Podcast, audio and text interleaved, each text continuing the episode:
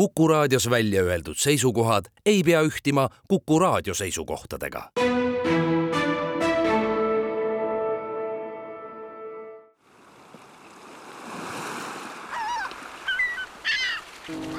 meretund meretundi toetab Tallinna Sadam. Tere hommikust, on laupäev ja Meretunni aeg, mina olen saatejuht Vallo Helmsaar. nädal tagasi oli Meretunnis pikemalt juttu parvlaevaga Amalie juhtunust. nüüd teatas Ohutusjuurdluse Keskus, et tegemist oli ohtliku juhtumiga, mis tulenevalt laeva tüübist ja lastist ning valitsenud ilmaoludest oleks vajalike meetmete rakendamata jätmisel võinud kujuneda raskete tagajärgedega laevaõnnetuseks.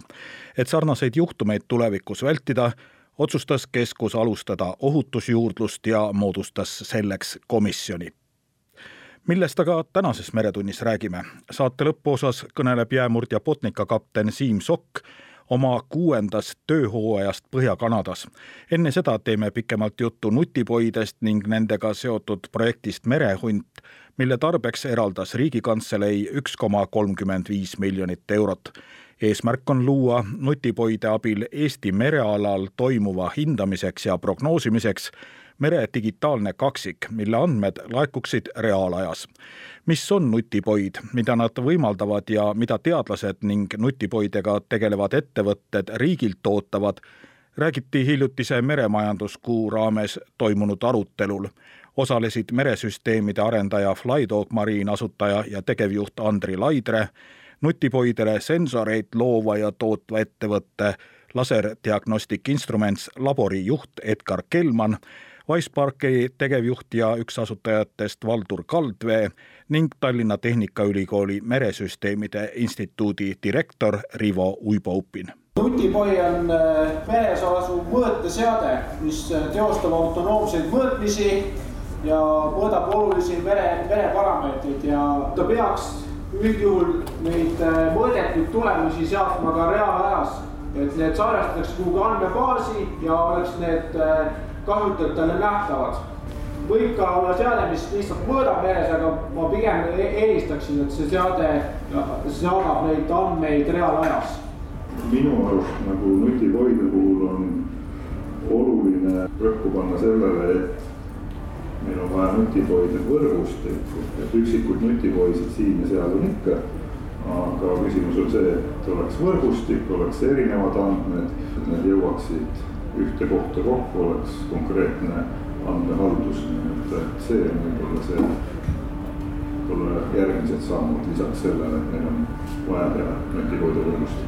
Need eelmised definitsioonid võib ju otse Vikipeediasse panna, et ju rohkem lisada ei ole, et võib-olla, et need äh, poisid on eri tüüpi, et äh, enda operatiivandmeid edastavad seal, et kui on mingi õlireostus kuskil saab kiiresti kätte aga teised poid on siis sellised, millel on pikem vaade teaduse vaates, et sa võid koguda andmeid ja siis hiljem neid analüüsida, kus sul ei ole võib-olla see reaalaeg nii tähtis.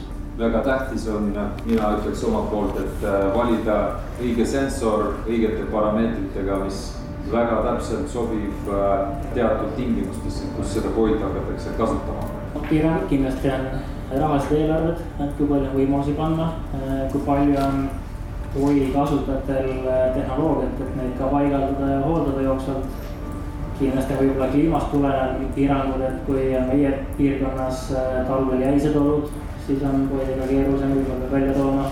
soojemas piirkonnas ei ole probleemi.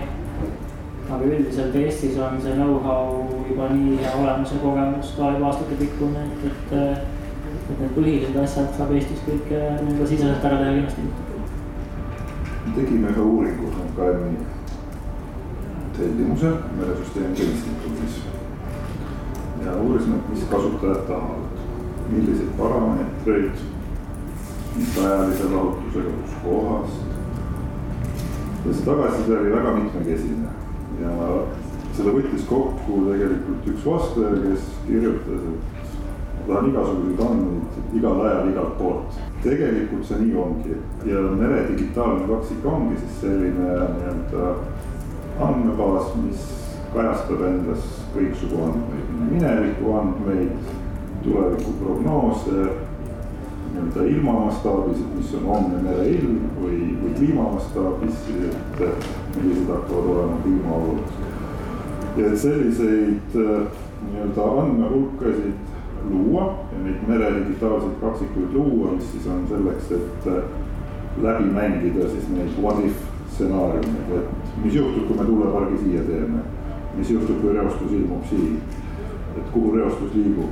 et, et selliseid nii-öelda, mis siis, kui stsenaariumid läbi mängida ja läbi arvutada, selleks on kriitilise vajadusega siis nutipoide võrgustik ehk et see ei oleks lihtsalt modelleerimine või arvutamine, vaid et see oleks täpselt mõõdetud nutihoidja poolt ja selleks nagu neid äh, nutihoidsid ongi vaja, et ka teised teenused saaks selle andmehulga peale siis üles ehitada. ja see ongi see, kuna digitaalse kaksiku puhul selle eesmärk on vastata sellele kasutaja soovile, kogu aeg igalt poolt ja kõike. et siis nutihoidja võrgustik jah, tore oleks, kui neid oleks ka kogu aeg igal pool, aga, aga mingisugune optimaalne nii-öelda võrgustik tuleks välja luua jällegi, et nagu ma alguses ütlesin, et ei oleks, et üks on siin ja ühel sadamal on tal enda sadamas vaja, vaid et see oleks suur ja kattev, et selle peale saaks ehitada neid digitaalseid kaksikuid.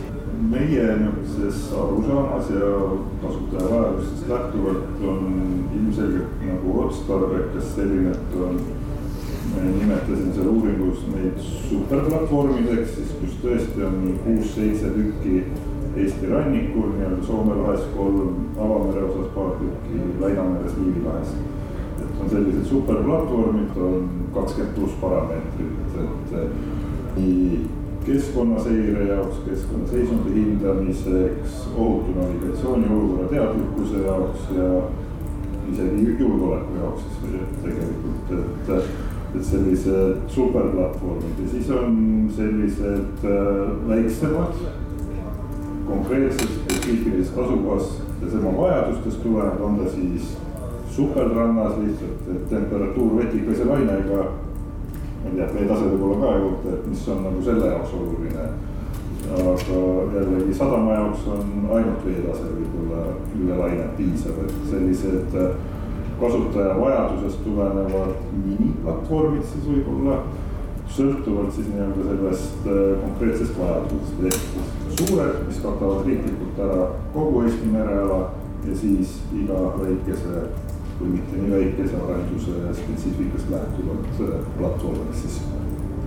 see tundub nagu selline mõist-, ma ei tea, mis see õige number on. see suurte oma, ma julgen öelda, et iga selle nii-öelda suurema veeala kohta tõesti, et Eesti peale seitse tükki et see on see suurusjärk nagu, aga neid väiksemaid, sest nende aastate jooksul ikka näed, neid soove tuleb seinast seina, et, et mille jaoks keegi seda vajab, et see võib olla väga spetsiifiline, aga kui kliendi vajadus on olemas, siis tuleb teha, riigi vaates võib-olla on see oluline kuidagi toetada neid või soodustada seda, et, et neid äh, väikeseid platvorme ka tehtaks. ja see trikk siis on see, et kui keegi teeb oma platvormi, et neid oleks võimalik kasutada, et andmed liiguksid. et nad ei jääks sinna ühe kasutaja juurde kinni. no lõpuks taandub sellele meie elukeskkonnale, et äh, majandustegevus peab jätkuma.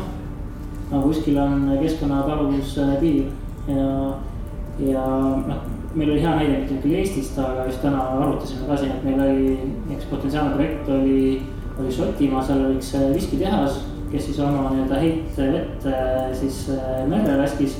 ja neil oli kohustus seda vett puhastada teatud piirini, et kui sa täiesti puhtaks teed, siis on jaburalt kallis. kui sa liiga vähe seda teed, siis on keskkonnale ohtlik, et sa pead leidma selle õige keskkonnataluvuse piiri nagu ja seda ei saa muud moodi, kui sa siis reaalajas kogu aeg monitoorid, et sa saad aru, et kas sinu tegevus siis mõjutab keskkonna kehvasti või mitte. kui sellised asjad kasutusele võtta, siis sa ühelt poolt nagu ettevõtetel on suured võimalused optimaalsemalt toimetada ja teisalt siis nagu inimestele jällegi jätad keskkonna alles nagu, et selles mõttes kasu on väga otsene. Tulevikus hakkame kindlasti rohkem tegema ka ütleme meremajandusega selles mõttes, et näiteks vesiviljelus või energeetika, energia tootmine merelt, et. et ma olen kindel, et Utipoidi võrgus annab selle olulise tõuke nende majandusharude tekkeks ja nende arengule. kõiksuguste avamererajatiste ja, ja rannikurajatiste, sadamad, terminalid, mis iganes, tuulepargid kalakasvandused ja nii edasi, nende juures ju see kõige esimene samm on alguses tuleb teostada need keskkonnauuringud. ja, ja selle jaoks siis tuleb, vanasti me ei nimetanud neid nutipoideks, tänapäeval me nimetame neid nutipoideks, teostada need mõõdistused. see on nagu üks koht, kus neid kindlasti kasutada. ja see kasutegur meie jaoks on see, et me saame nii ettevõttele teenust pakkuda kui, kui selle põhjal siis ka teadus-arendustegevust teha. Need mõõdistused tuleb ära teha tulenevalt seadusest põhimõtteliselt ja nutipoide väärtus on võib-olla selles, et, et nad võimaldavad ettevõtetel, arendajatel teostada neid keskkonnauuringuid oluliselt odavamalt kui vanasti. et need mõõdistused saab teostada nutipoidega, sõidad sinna, paned sisse, tuled tagasi. mitte ei käi laevaga seal regulaarselt. et äh, see on kindlasti nagu see ilmselge nii-öelda kokkuhoiukoht ettevõtete jaoks. aga nendest laevadest ei pääse ka, kõike ei ole võimalik nutipoidega mõõta. nii kui läheb elus asjade peale, siis tekivad sellised väljakutsed, mida kauni sõnaga tuleks adresseerida ootused riigile oleks see, et, et riik paneks äh, paika, et äh, millist, äh, millist ütleme nutipoide võrgustiku lahendust riik vajaks.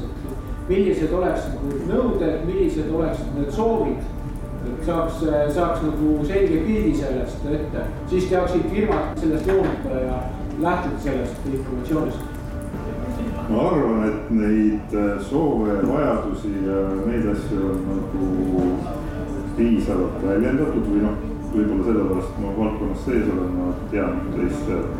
aga minu selline soov riigile või poliitikutele või riigiasutuste juhtidele, teeme ära.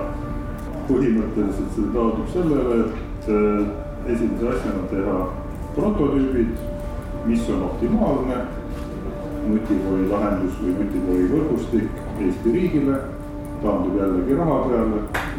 jah, siin palju öeldi ära, võib-olla kõrvaline mõte veel, et äh, ma olen näinud, äh, kui tehakse hankeid, siis enamasti võetakse ette mingi riiulitoode, et sa, et hanke saab teha riiulitootele, väga keeruline teha hanget arendusele, et sa küll tahaksid midagi väga spetsiifilist ja ägedat oma teadusuuringutes kasutama hakata, aga kuna sellist toodet ei eksisteeri, siis sa ei saa seda hankida.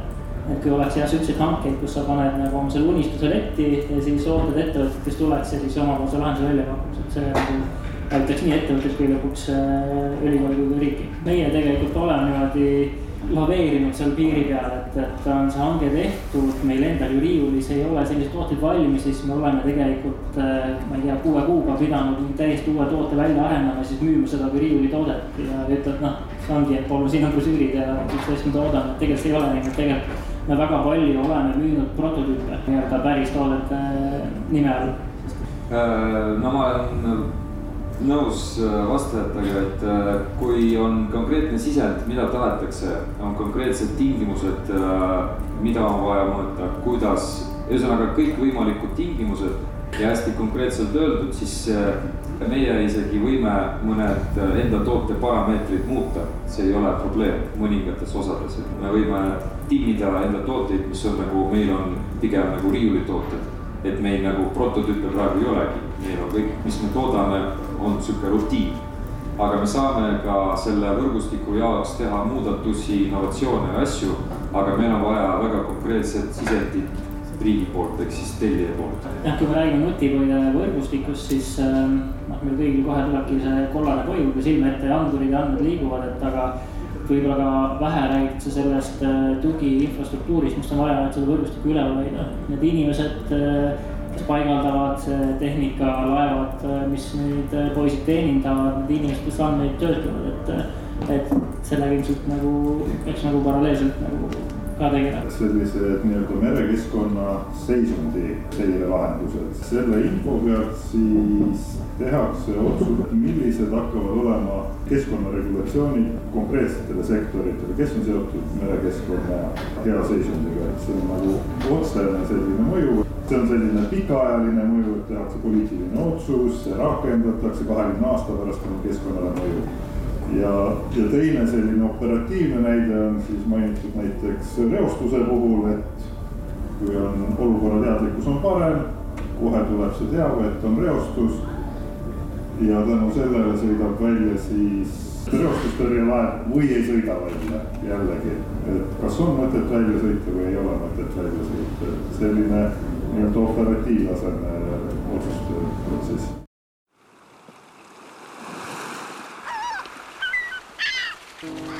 meretund. meretundi toetab Tallinna Sadam. jätkame Meretundi eelnevalt mainisin juba projekti, mille tarbeks Riigikantselei üks koma kolmkümmend viis miljonit eurot eraldas. kolmeks aastaks kavandatud projekti töörühma hakkab juhtima Kliimaministeerium koos Riigilaevastiku ja Riigikantseleiga, aga kaasatakse ka teisi ametkondi, samuti erasektor ja teadlased. projektijuht on Kliimaministeeriumi meremajanduse osakonna juhataja Jaak Viilipus. milline on selle projekti taust, et millest see kõik alguse sai? Siin on äh, iseenesest kaks aspekti, üks aspekt on see, et äh, me igal aastal teeme keskkonna vaates kohustuslikku mereuuringuid. selleks on meil vaja infrastruktuuri, selleks on vaja laevu ja, ja teine aspekt, äh, miks võib-olla meil ongi vaja teada, mis merel toimub, on kindlasti see reostuse aspekt, et me teaksime, kes reostab, millal reostab ja suudaksime ka tuvastada, et see on olnud seni päris suur väljakutse ja, ja selle nutipoide projektiga on võimalik siis saada paremat äh, mereolukorra teadlikkuse ülevaadet. ja kolmas aspekt võib-olla, mis on oluline, on ka äh, merejulgeoleku aspekt, et, et äh, mida rohkem me teame, mis meres toimub, seda äh, kiiremini suudame ka erinevatele ohtudele reageerida. siin hiljuti meremajanduse kuu raames oli riigilaevastiku baasis Kundipea sadamas ka selline vestlusring, kus räägiti nutipoidest ja seal võis kuulda, et neid nutipoisid on väga erinevaid. kas selle projekti raames on siis tähelepanu ikkagi keskendunud peamiselt keskkonna aspektile? Äh, esimeses etapis on ta keskendunud kindlasti keskkonna aspektidele, aga meie laiem eesmärk on jõuda ka tulevikus mere digitaalse kaksikuni ja selleks ongi vaja siis esmalt ära testida äh, erinevad lahendused, erinev sensoorika nii keskkonna vaates kui ka siis sinna peale saabki siis äh, nii meresõiduohutuse vaates erinevaid sensoorikaid edasi arendada, merejulgeoleku vaates, nii et niisugused äh, äh, väga suur arendusvõimalus on siin veel juures, et, et sellega saab edasi minna kindlasti. sel samal arutelul, millele ma viitasin, rääkis ka teadlane Rivo Uibo-Upin sellest, et riigi vaates tema soovitaks rajada niisuguse seitsmepunktilise põhipoide süsteemi. Ja et see, milline see võrk nüüd lõplikult tuleb, et selleks me peame kõigepealt need äh, erinevad platvormitüübid Eesti oludele vastavalt välja arendama, äh, testima ära selle sensoorika energialahendused ja siis lõplikult äh, paika panema, mis meie vajadus täpselt on ja kui tihe ja mis ulatuses see võrgustik peaks Eesti merealadel lõplikult välja siis nägema. aga kui rääkida nüüd selle projekti lähtepunktist, siis milline see olukord või teadlikkus meil praegu nutipoide osas on? no täna on selline olukord, et meil teatud poid on vees olemas, need on erinevate eraomanike käes, nad on ülikoolide käes, aga riigil keskselt niisugust taristut veel ei ole ja eesmärk olekski siis ikkagi, et riigi vaates see välja arendada. milline on selles projektis Kliimaministeeriumi roll ja milline on riigilaevastiku roll? Te veate seda käsikäes, partnereid muidu on ka mujalt ja et äh, kui see projekt ikkagi puudutab väga mitmeid haldusalasid, alates siseministeeriumist äh, kaitseministeeriumini välja, aga projekti hakkab vedama ennekõike riigilaevastik, kus täna on see navigatsioonimärgistuse kompetents kõige tugevam ja see hooldusbaas ka ehk siis meie eh, koos siis eh, veame, aga kaasame ka siis eh, kõiki osapooli, keda ta puudutab ja moodustame ka siis juhtrühma ja töörühma, et kõikide asutuste siis vajadused saaksid maksimaalselt kaetud ja siis juba koostöös ülikoolidega ja eraettevõtetega, mis neid nutipoisid toodavad, toimuksid ka nii-öelda välitegevused? kõige olulisem aspekt ja kõige aeganõudvam aspekt ongi kindlasti meie oludele vastav arendustegevus ja merekatsetused, et, et meil on Läänemeri ikkagi teistsugune kui muud mered, ehk siis me peamegi nende jääolude kõige muuga Äh, arvestama. kas suurem osa sellest projekti rahast, mida on siis kolme aasta peale üks koma kolmkümmend viis miljonit, kulubki nendele välitöödele?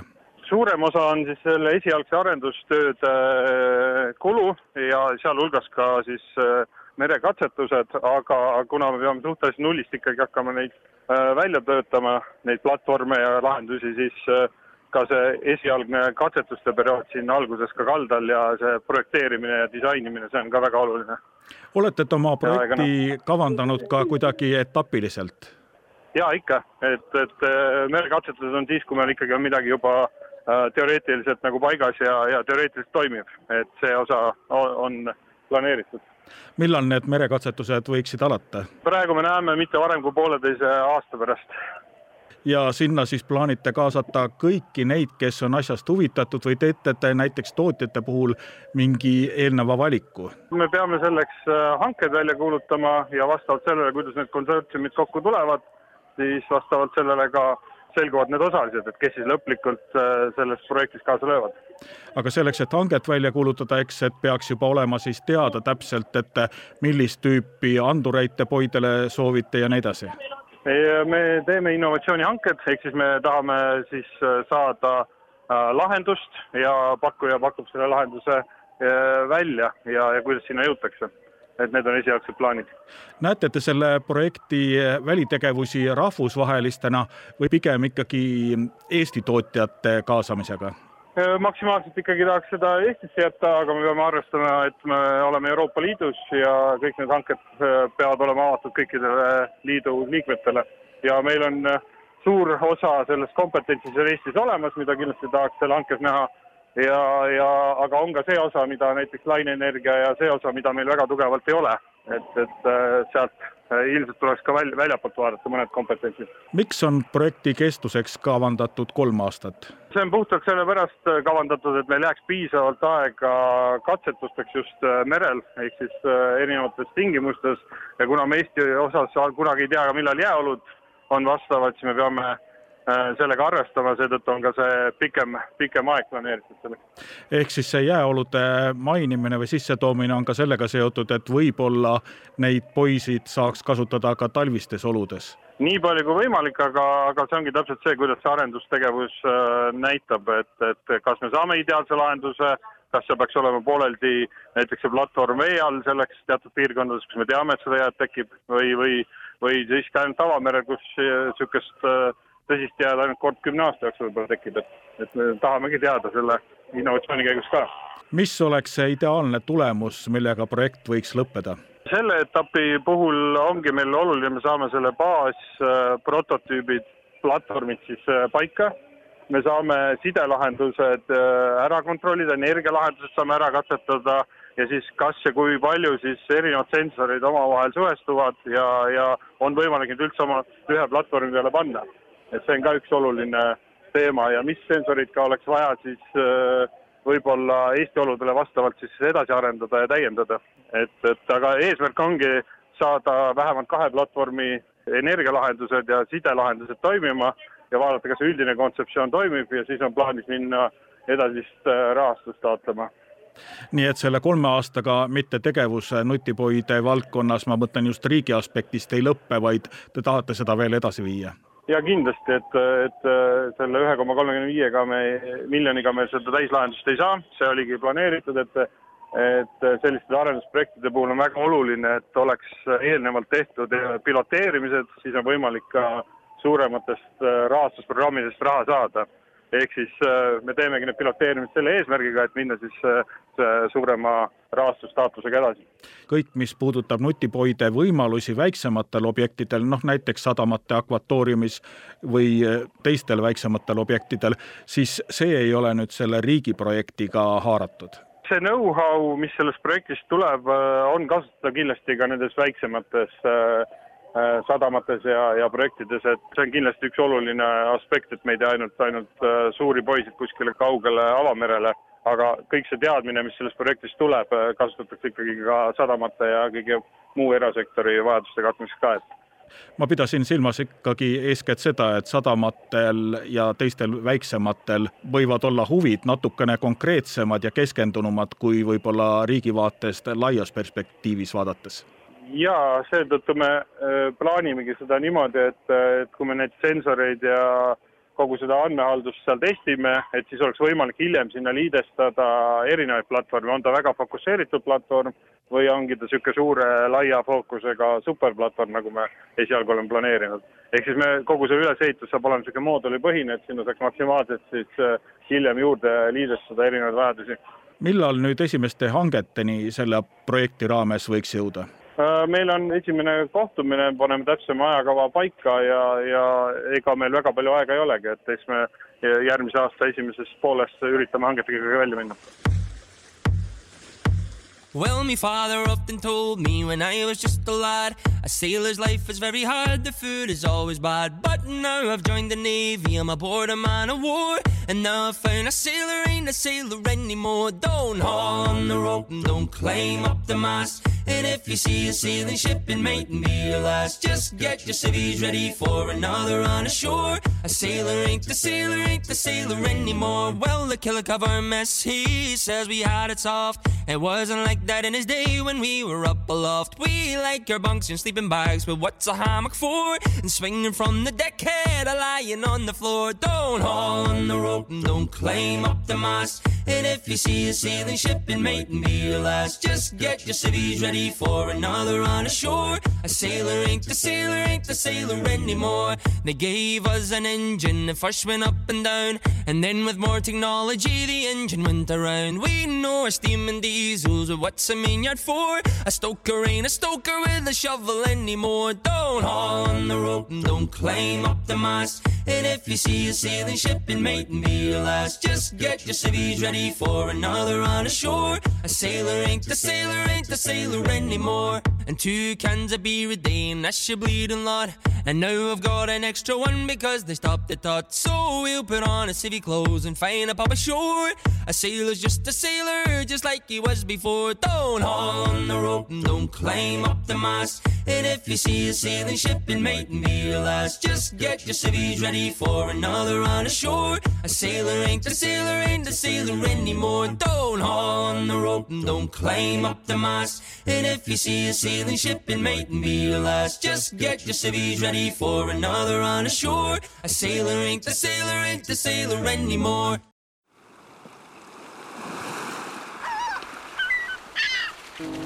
Meretund. meretundi toetab Tallinna Sadam meretunni juttudega läheme nüüd Põhja-Kanadasse, kus meie jäämurdja Botnica on rauamaaki vedavaid laevu aidanud juba kuuel aastal.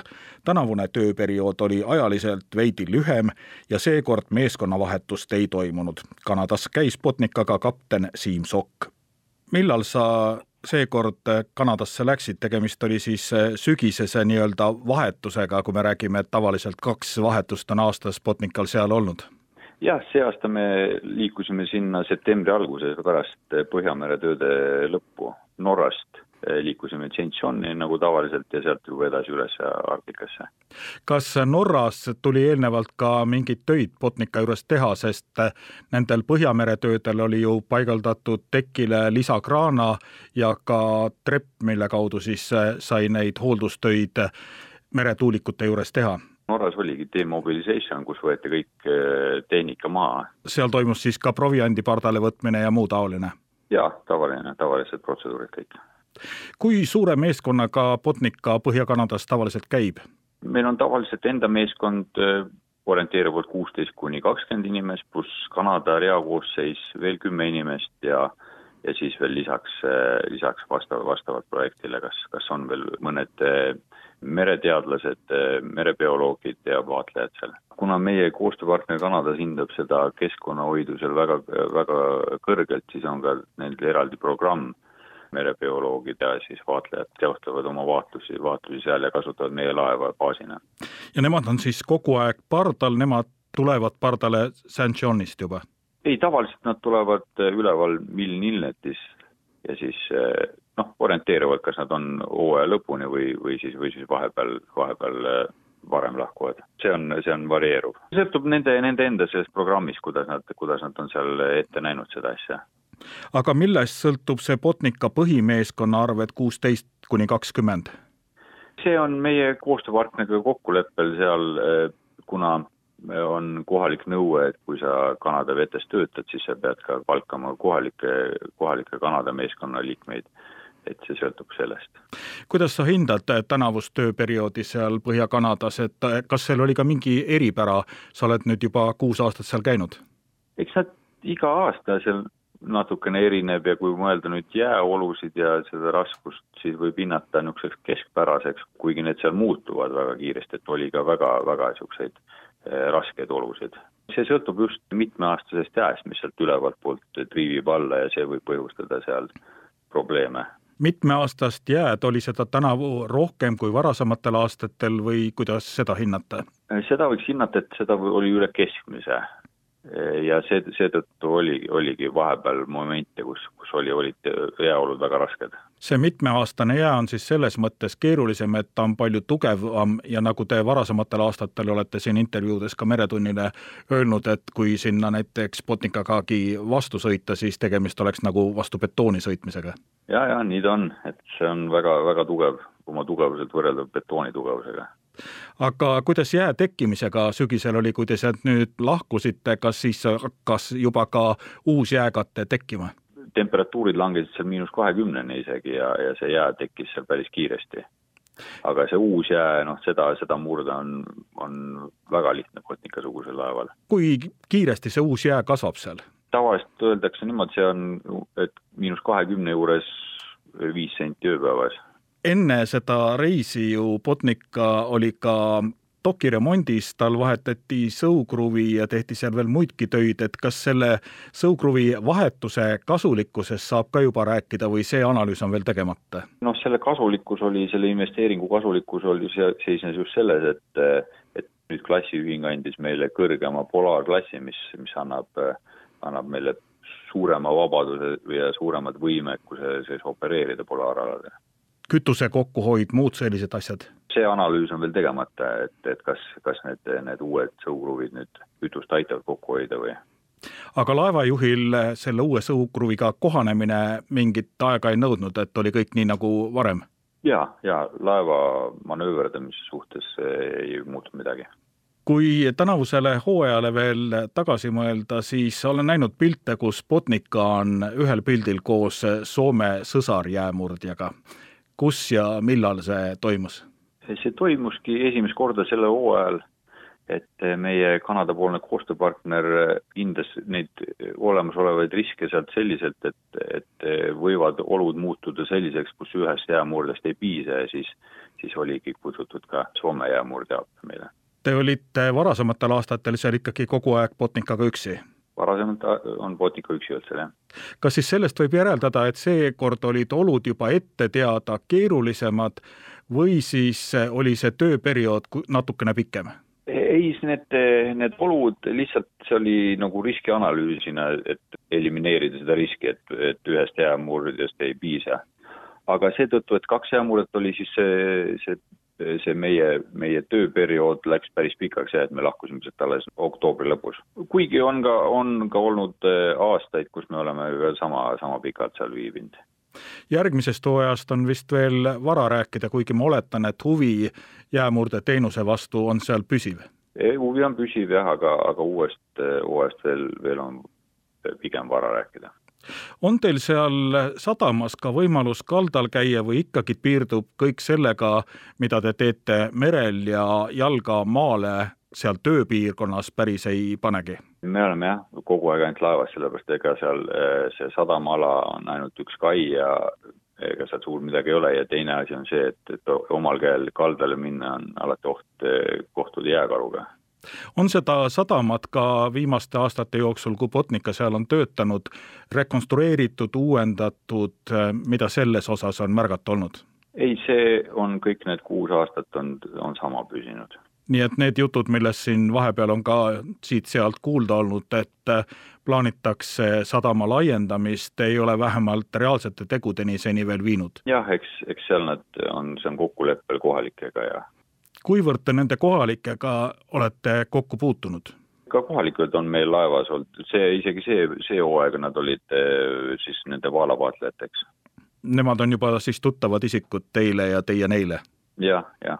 meil on, meil on kõigi, nii Kanada meeskonna kui ka, kui ka kohalikega väga, väga läbi saamine. kas see küsimus, millele tihtipeale viidatakse, kliimamuutus, sinu silma järgi on ka kuidagi märgatav olnud?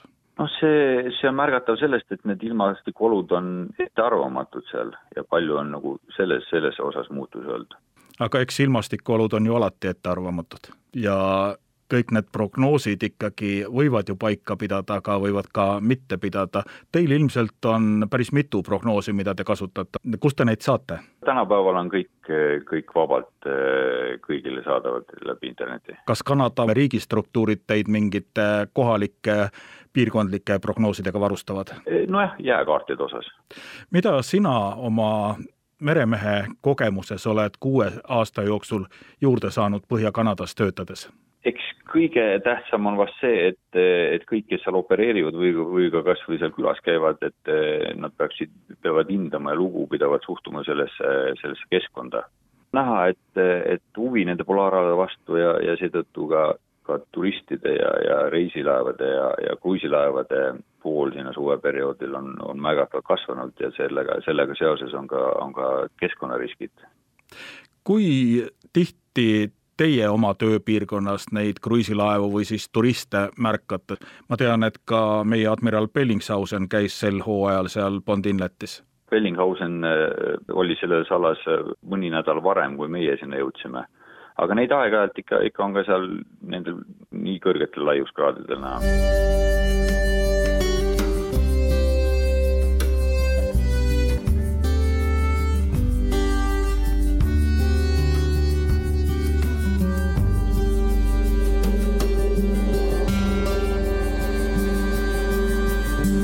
Homeward bound one night on the deep. Swinging in my hammock, I fell asleep. Dreamed a dream, and I thought it true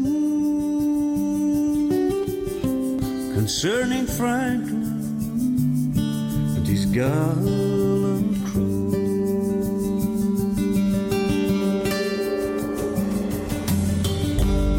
hundred seamen he sailed away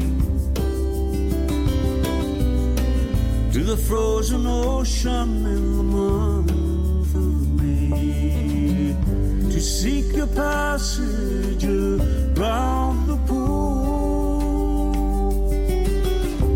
where we poor seamen we sometimes go.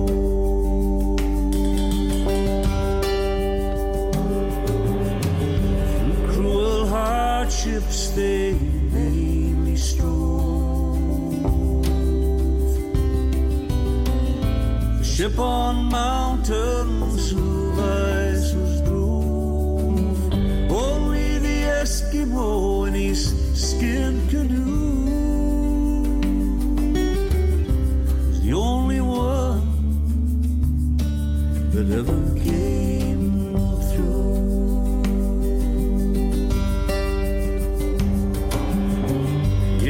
laughing where the whalefish blow.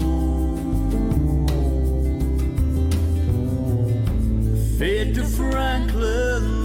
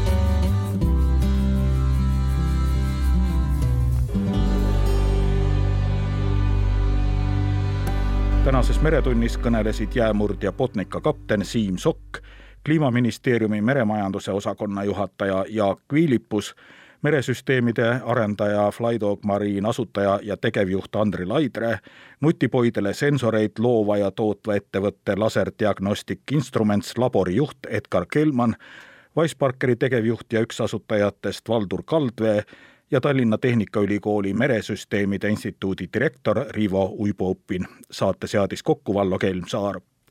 järgmine Meretund on eetris nagu ikka nädala pärast. Kuulmiseni.